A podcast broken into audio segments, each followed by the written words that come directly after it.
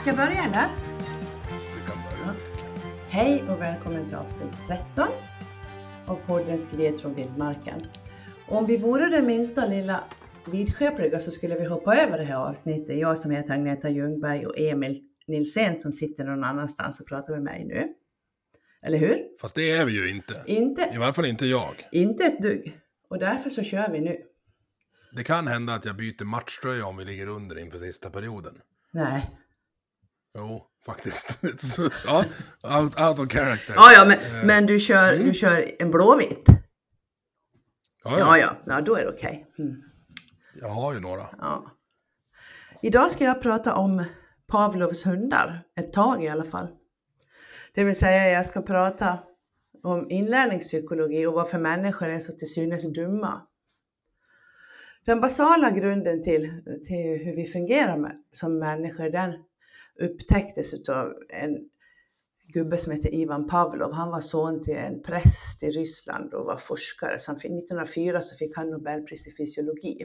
Eller om det var medicin.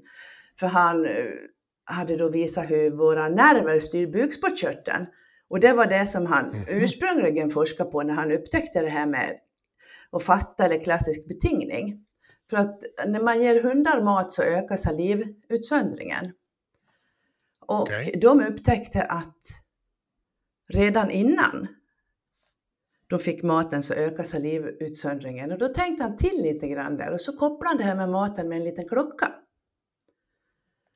Så, Ja, och då, det känner jag. ja, och då ringde han i klockan och då ökade salivutsöndringen. Och till slut så räckte det att ringa i klockan utan att ha maten med. Och det är klassisk betingning. Det där kan man ju prova själv också om man tänker på en citron. Ja. Om man blundar och låtsas att man biter i en citron. Det räcker, alltså så. Det börjar salivproduktionen startar direkt Precis. nu. Bara att, ja, Precis. det går inte att förhindra. Det är en klassisk betingning. Och egentligen så är det så här, ja, lite tekniskt sett då så involverar det ett obetingat stimulus och en obetingad respons. Samt ett betingat stimulus och en betingad respons. Det är det det är. Alltså obetingat stimulus det är maten, obetingad respons är salivet. Så kopplar man det till någonting annat då. då. Så att man ringer i klockan och så ringer saliven av det. Och det som, det från början som är obetingat, det väcker, alltså det är det som kallas en reflex egentligen, för att det väcker en re, obetingad respons hos organismen utan att någon tidigare inlärning har orsakat det. Man behöver inte ha lärt sig att om man stoppar mat i munnen så kommer saliv, eller om man petar någon i ögat så blundar man och så vidare. Det är en reflex. Mm. Operant betingning då, och det är steget vidare. Alltså, man kallar det för instrumentell betingning eller instrumentell inlärning. Och det var en kille som heter B.F. Skinner som utvecklade det. Och i, han heter Burhus Frederick Skinner. Det är en sån här onö, fullständigt onödig kunskap. Burhus stavas det. Det hette han i förnamn. Ja. Men den betingningen det innebär att man lär in beteenden och de kan man alltså lära in och förstärka eller släcka ut. Och att det sker beroende på vilka konsekvenser som man har får be- beteende till exempel. En respons och ett stimulus det kan man koppla ihop genom förstärkning. Till exempel om man lär en hund sitta. Man väntar till hunden sätter sig ner så belönar man den med godisbit och beröm. Och då har man förstärkt det på två sätt, både genom berömmet och godiset. Och till slut får man hunden att sätta sig ner bara genom att man berömmer den eller säger till den. Det är en sån här stegvis inlärning. Och positiv förstärkning, det, är, det är, syftar alltid till att det önskade beteendet ska öka.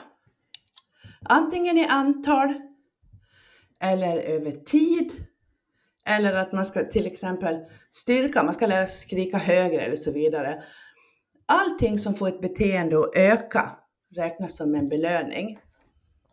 Får jag stoppa det där med en liten spontan grej? Ja, Kan det inte vara allting som gör också att det sänker tröskeln för beteendet? Mm. Förstår du? Att energiåtgången för önskat beteende blir, blir mindre ju bättre man blir på det. att det skulle vara en positiv förstärkning. Ja, Ja, jag tänker- att det går jag lättare. landar i Ja, liksom ja. i- Mm. Jag landar i barnuppfostran-delen Ja, av det ja. hela här nu. Jo, men det går ju lättare. Jag vet inte om jag ska sätta positiv förstärkning. Jo, men det är, det är en positiv förstärkning att det blir enklare att göra det. Så är det ju. Det är samma sak som Mm. att träna. I början är det ju väldigt jobbigt att komma igång, men när man har hållit på ett tag så är det betydligt lättare. Alltså man blir förstärkt av det, att det, är lättare. Men sen finns det något som heter negativ förstärkning. Och då tror man ofta att det är bestraffning. Men det handlar egentligen om att förstärka ett beteende på, på samma sätt genom att man tar bort någonting. Till exempel om du får en sticka i fingret och så kommer du till mig och jag tar bort den. Då ökar sannolikheten för att nästa gång du får en sticka i fingret så kommer du till mig. Det är alltså man, negativ förstärkning så tar man bort någonting som är obehagligt. Mm. Så. Och positivt straff, det finns ju också. Det innebär att straff innebär alltid att man gör någonting som gör att beteende minskar. Alltså positivt straff är att man tillför någonting. Alltså ett straff till exempel är att man får sitta i fängelse, att någon slår en, att man får skäll. Alltså man tillför någonting negativt. Och negativt straff det är att eh, man, Man tar bort man tar bort någonting till exempel. Att man, ja, då får du ingen mat. Nu får du gå till och lägga dig utan kvällsmat för att du har betett dig illa. Det är ett negativt straff. Och utsläckning då, då det är också en form av ja, beteendemodulation kan man väl säga. Alltså, eh, man upphör med någonting. Man ignorerar beteende fullständigt, är ingen som tjatar, man skiter fullständigt i det. Och det, till det ska man då säga då att det finns något som heter intermittent förstärkning. Och det handlar om att när ungarna tjatar tillräckligt länge och man tröttnar och ger han det där godiset, då kommer han att tjata ännu längre nästa gång. För man kan koppla det till, till exempel till att fiska eller att gå på hockey. Förr eller senare så kommer det en fisk och nappar, förr eller senare så vinner man en match, ja men då går jag ett litet tag till och så vidare och så vidare. Och det här, till skillnad från klassisk betingning då, då som Pavlov höll på med, så, så bygger det här på att man gör någonting, man opererar på sin omgivning så att säga. Och så ska jag börja med mitt det här, det var bättre förr igen. För det jag nyss har pratat om, det förklarar en hel del- del om hur världen ser ut idag. För jag tjatar på. När jag var barn, då hade man fasta regler, man åt middag tillsammans, man hade oftast bestämda läggtider och man gick upp samma tid på morgonen. Vuxna människor arbetade, barn gick i skolan eller passades av någon i grannskapet som ändå var hemma. TV var en sällsynt företeelse och bara på bestämda tider. Barn gjorde som de vuxna sa oftast och man fick lära sig att vänta. Vuxna fick också vänta. Fanns det inte pengar så fanns det inte pengar. Mat och husrum gick först. Nöjen och övrigt kom sen. Man fick vänta till jul på att få skridskor och skidor, ofta begagnade. Man fick hjälpa till hemma. Det var ett krav och det var ingenting man valde.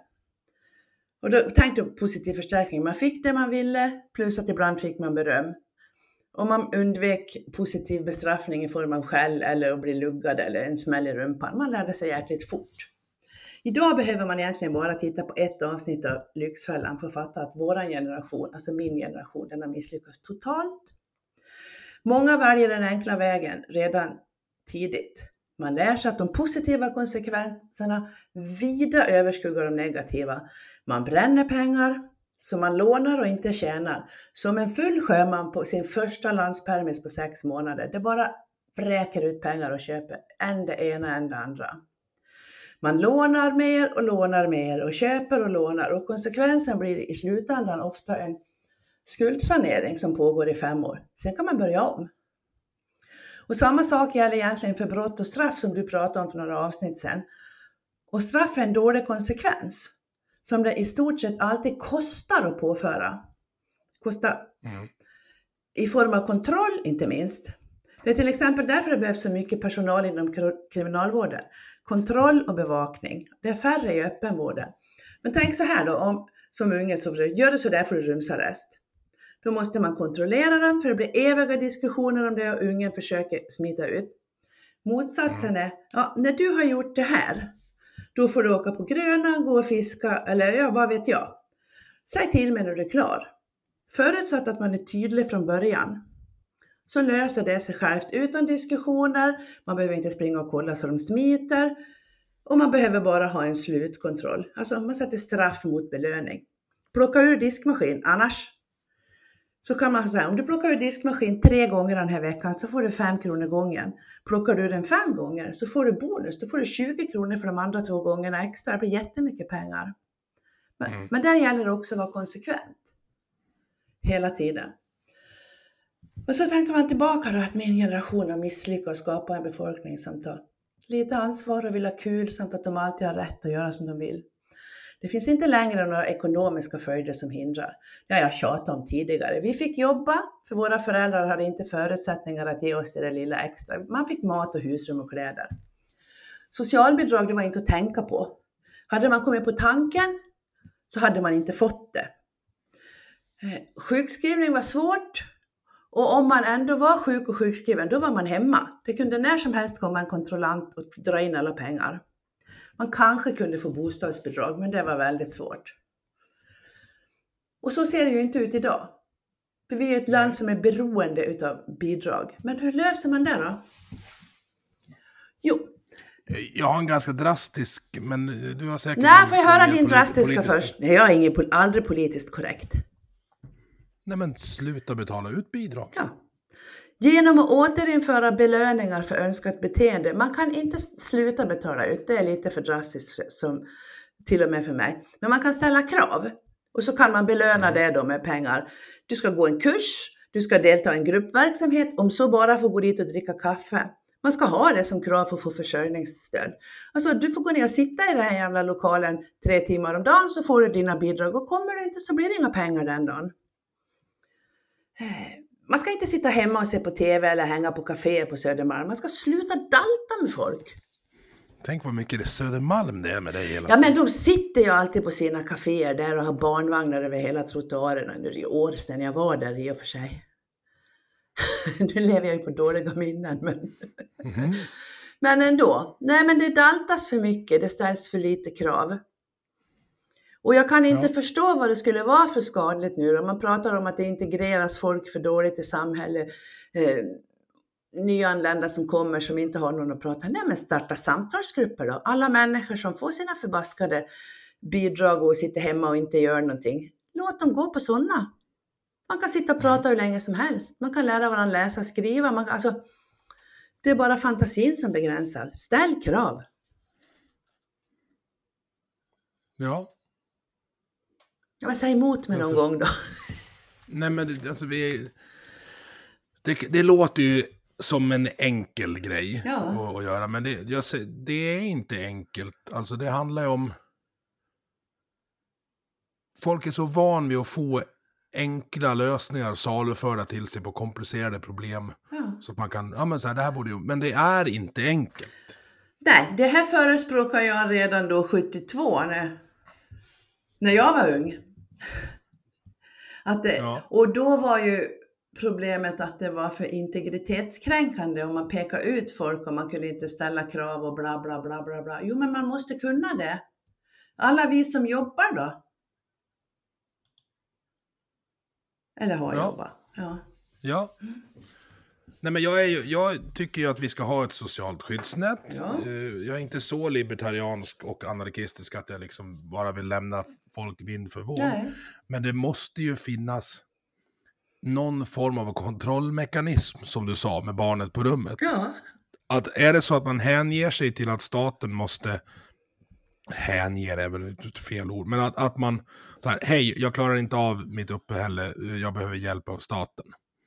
Ja, bra. Då får du offra lite av din integritet och ditt privatliv i utbyte mot att få det. Ja, så ska det vara. Mm. Pro problemet som finns där framför allt i, i våra utsatta områden är just det här eh, att man vet inte hur många som bor där eller vilka de är.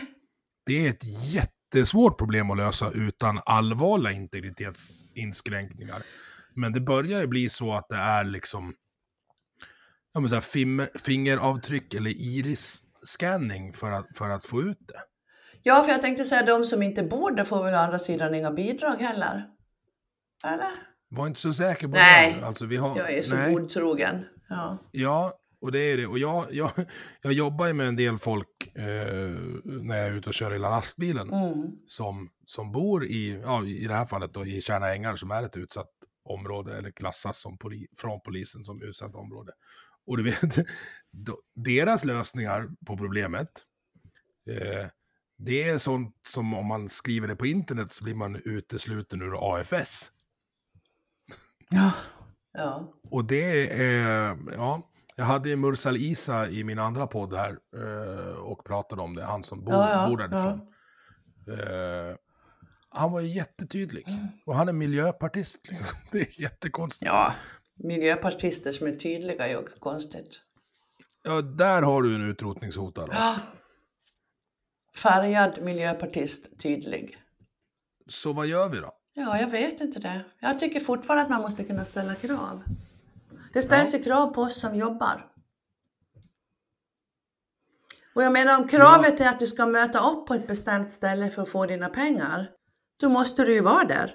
Ja, om jag ska vara djävulens advokat då. Problemet är att det finns ju olika ställen som betalar ut pengar. Om Ja. du inte klarar av att fullfölja dina åtaganden för att få aktivitetsstöd, Mm. då får du inga pengar och då blir du eh, istället, eh, då hamnar du hos SOS då. Mm. Och ska man då ha krav där, ja det kanske man ska ha, men ja, jag tror inte att det är så lätt att lösa som man skulle vilja, men det är ju saker och ting väldigt sällan. Men man måste ju börja någonstans, för nu är det ju åt andra hållet. Man- Det är ju så frisläppt så att det bara galopperar ju runt omkring här. Ja, jag vet, du brukar alltid ha en lösning när du pratar om saker och ting. Hade du inte med en sån idag? Sluta dalta med folk, ställ krav. Jag ska prata om någonting som jag har ett stort behov av och som jag inte är jättebra på. Kan du gissa vad det är? Nej, och var diplomatisk.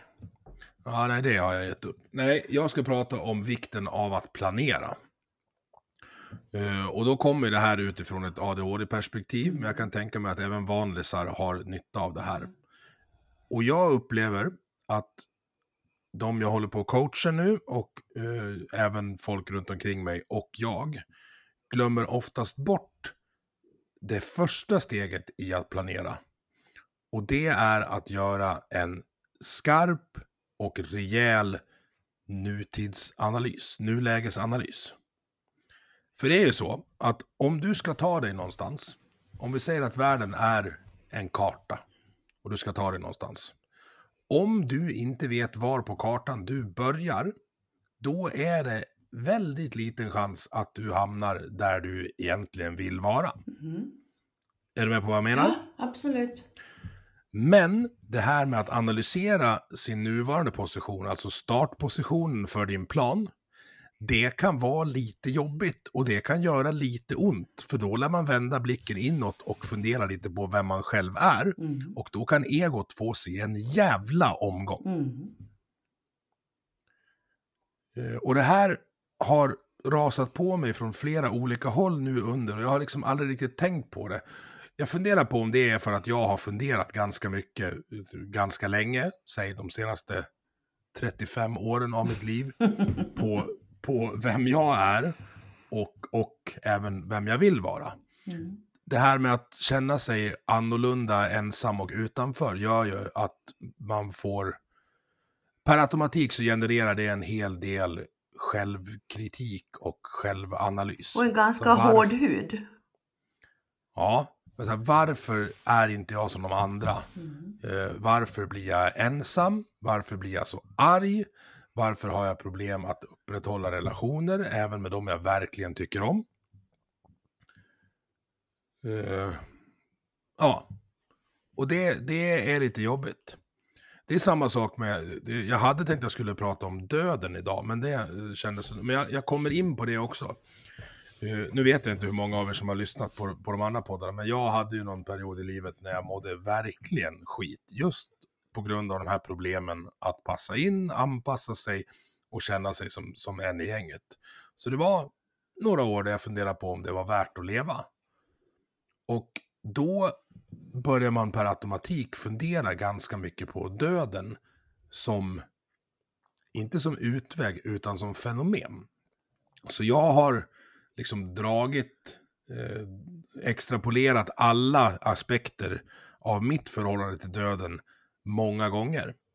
Problemet är att när man har tänkt klart på döden och funderat på vad man ska ha för förhållande till den, det är inte så att den försvinner ur medvetandet då. Utan när du har tänkt på den så pass mycket så att du har tänkt klart på den, då blir den en kompis som flyttar in. Mm. Eh, så man ska, man ska vara fundersam på vad, vad man lägger tid att, att tänka på. För eh, tankemönster sätter spår i snön Mm. som blir svåra att radera ut. Får jag avbryta dig lite där? Ja, Det här med döden, det är ju så att många människor ser ju döden som en utväg och man förväntar sig att det ska bli så väldigt mycket bättre när man är död. Och då brukar jag alltid säga som ett första, kanske lite skämtsamt eh, påstående att har du läst det i Svensk Damtidning eller Hänt i veckan?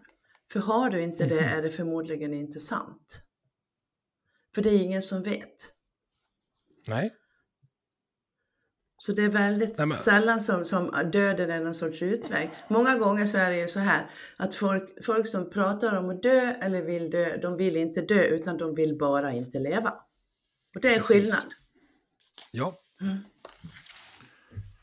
Och det har att göra med, tror jag, nu är det du som är proffs på området, inte på döden men på människor, eh, att då har man ju satt sig i en situation där man antingen har gått så pass vilse på den här kartan, om vi då ska återknyta till mitt, uh, min uppstart av dagens ämne, eller så är kartan så pass jobbig, eller så är det på en situation där det är så pass drygt att det spelar ingen roll vad som finns på andra sidan. Det, det kan möjligtvis inte vara sämre än det här. Och det vet man ju inte. Det vet man inte. Alltså jag, när jag hade tänkt klart på döden, jag är helt övertygad om att det är bara slut. Det är som det var innan man föddes. Mm. Alltså det, och det är det bästa sättet jag kan beskriva det på. För det finns, jag tror inte att mänsklighetens hjärna är byggd för att hantera så komplexa saker. Nej. Vi har en liten ljusglimt mellan två evigheter om man ska vara, ska vara filosofisk. Jag är lite avundsjuk på de som tror att det finns något på andra sidan, eller reinkarnationen och sånt. Men eh, jag, jag tror inte på det. Jag tror att det är stopp och slut. Och jag är lite avundsjuk på de människor som tror att vår hjärna faktiskt kan förstå vår hjärna och förklara hur den fungerar.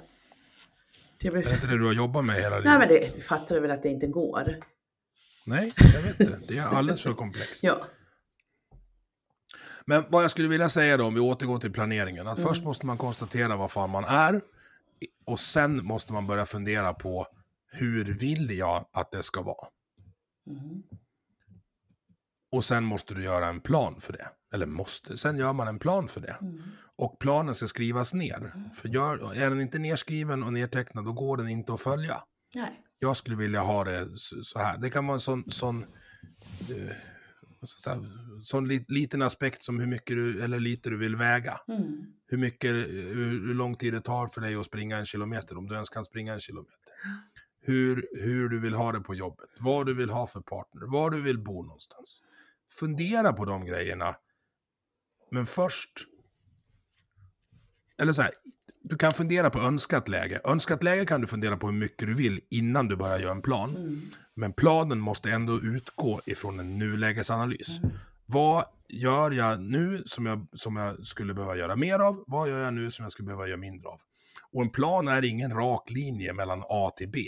Glöm det. Det finns inga sådana planer. Nej. Men om du inte har dragit den här linjen så vet du inte åt vilket håll du ska gå när du börjar gå vilse. Nej. Du måste ha den linjen utritad, i synnerhet om du har en sån turbohjärna som jag har. Mm. För finns det inget ramverk för mig, då blir det en Lucky Luke-slutscen där jag och kossan springer mot solnedgången. Mm. Och så ser ni aldrig oss igen. Mm.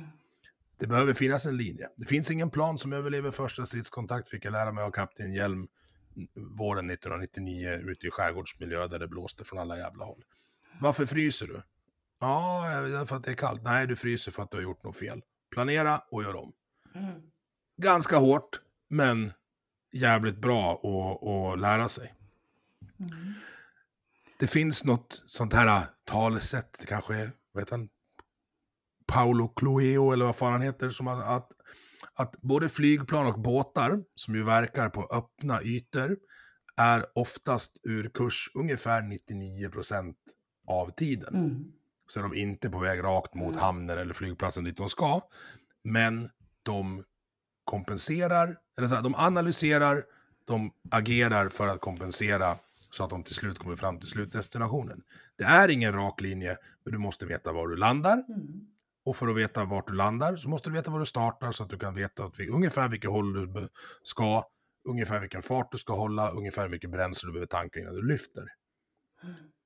Och jag tycker att, hoppas att Ulf Kristersson lyssnar på det här nu, för jag tror att han behöver göra en lite djupare nulägesanalys än vad de har, vad de har gjort. De har, eller så här, de har säkert gjort den, men de berättar den inte för folk, för de där uppe tror inte att vi kan hantera sanningen. Vet du, det finns en, eller fanns en eh, amerikansk, kanadensisk psykolog som heter Christopher Martell. Han Mhm. pratar om beteendeaktivering vid depressioner till exempel. Att risken när man blir deprimerad, det är att man blir så deprimerad så man slutar göra saker och ting. Man målar, Man in, man målar in sig baklänges i ett hörn. Och behandlingen för det, det är att göra minst en sak varje dag och utöka det hela tiden. Och det gäller samma sak tänker jag för regeringen. Gör någonting. Måla inte in er i ett hörn och sitta och skrika åt folk utan gör någonting. Mm. Proaktivt. Och det kan vara att hämta posten. Alltså det Ja. behöver inte, första dagen kan det vara att gå ut och hämta Ja. posten. Bara... Men som ja. idag, alltså jag, har jag, jag har ganska mycket jag ska göra idag. Jag har planerat den i timmar från och med att vi lägger på Mm. luren nu. Jag med. Vi, vi sp- vi spelar in skriet, jag går en promenad, jag fixar lunch, jag hämtar uh, stortjej, jag hämtar lilltjej. De får chilla lite medan jag ska göra klart här hemma. 16.00 ska stortjej vara på dans, 17.00 ska jag sätta mig en, med en arbetsdag med styrelsen från 17 till 23. Och sen har jag vid sidan av, så har jag en, en lista med smågrejer. Mm. Så är det så att jag tappar fart, alltså smågrejer som inte är tidsatta. Mm. Är det så att jag tappar fart i någon av de andra grejerna, då tvingar jag mig själv att ta en smågrej. Mm. För oftast är smågrejerna så jävla tråkiga så att jag går tillbaks till det jag är på väg att tappa Mm. fart med. Men jag tving- och sen små belöningar. Alltså är det, så att, är det så att skriet blir bra, vilket jag tycker att det här avsnittet är, Mm. då får jag spela lite dator när jag kommer hem från promenaden. Innan lunchen. Vet du vad vi har gjort hemma här? Vi har någonting som Nej. vi kallar för byggmöten. Som är från Torbjörns arbetsplats på morgonen. Så jag till Mm. just när jag tänker, vad ska du göra idag? Vad ska jag göra idag? Och så har jag en Mm. bok med hårda pärmar och så skriver vi ner det. Och så stryker jag ut det och sen skriker jag, vad fan gör det inte det du säger att du ska göra för? Och så börjar vi om dagen på. Då följer jag över det på nästa dag. Och när han har tröttnat på mig så gör han det. Men det är enda sättet att hålla någon sorts linje också. För vi, Mm. man driver ju iväg. Ja, det är precis det jag säger. Ja. Och är det så att man gör någonting som inte står på listan, skriv det på listan och stryk det direkt. Det Absolut, momentum. det gör vi, för det är hans krav. Att det ska, har jag gjort någonting ska det stå på listan, för förut hade jag en whiteboardtavla och suddade ut det och det surade ju han i flera, Nej, det går inte. flera veckor innan han talade om för mig att jag kunde inte ta bort det jag gjort. Du, Ja. eh, vet du vad jag ser fram emot nu? Nej, Veckans trams. ja vet du, det är så tramsigt så att det är inte sant. Men du får inget svar därför att det är trams. Du har låtit din hustru läsa hemliga handlingar. Du får inget svar därför att du håller på med trams. Jag läste i min favorittidning, Norrtälje Tidning, någon sorts debattartikel där det står att oh, klimatförändringarna är här. Med ihållande värmeböljor som följd. Samtidigt så ägnar vissa all sin kraft åt att bötfälla folk som kissar ute. Det påstås vara förargelseväckande beteende, men lagen säger faktiskt inte att det är ett brott att kissa utomhus. Vad lagen säger är att det är ett brott att störa ordningen på allmän plats, vilket kan tolkas hur som helst. Bla, bla, bla, bla, bla. Och så kommer man fram till att i Stigtomta, var det nu ligger, anordnas en gång en utekissadag för att sänka den globala uppvärmningen. Ja, det är ju bättre än att limma fast sig på gator och vägar i alla fall. Men vilket trams! Det är bara att kissa på. Eller hur? Vilket trams! Kan berätta en sak för dig, att det här är ju preskriberat, men jag var i Västerås en gång för, det är då 15 år sedan. Och så var vi ute och härjade och så vart jag jättekissnödig. Så jag gick in på en gräsmatta bakom en häck och kissade lite kiss. Ja. Och helt plötsligt började det blinka blått, ta mig fan, överallt. Och så kommer en polisbil in över gräsmattan, genom en rabatt och ut, skrik, ut kommer en arg polisaspirant och ska bötfälla mig för att jag har stört den allmänna ordningen. Mm. Jag bara, men snälla du, du har kört bil över blommor. Ja. Och sen sprang jag så mycket jag orkade. ja, det är otroligt. Nu tycker jag inte att man ska springa runt och kissa överallt, men att lägga sin energi på att skriva debattartiklar om det i tidningen, när man egentligen borde ha ett arbete och inte sitta hemma och få bidrag. Ja. ja. jag håller med. Ja. Ska du sammanfatta dagen då? Nej, jag, kan, jag är helt surr i huvudet. Sammanfattar du? Ja, vi sammanfattar det hela med att för att veta vart man ska så måste man veta vad man är. Och Agneta har gott om insikt i vad som är trams. Och sen har jag glömt bort vad du pratade om. Sen pratar jag om det här. Pavlovs hundar. De Just. kissar säkert också utomhus. Det gör de. Tack för idag. Tack så mycket för idag. Hej då.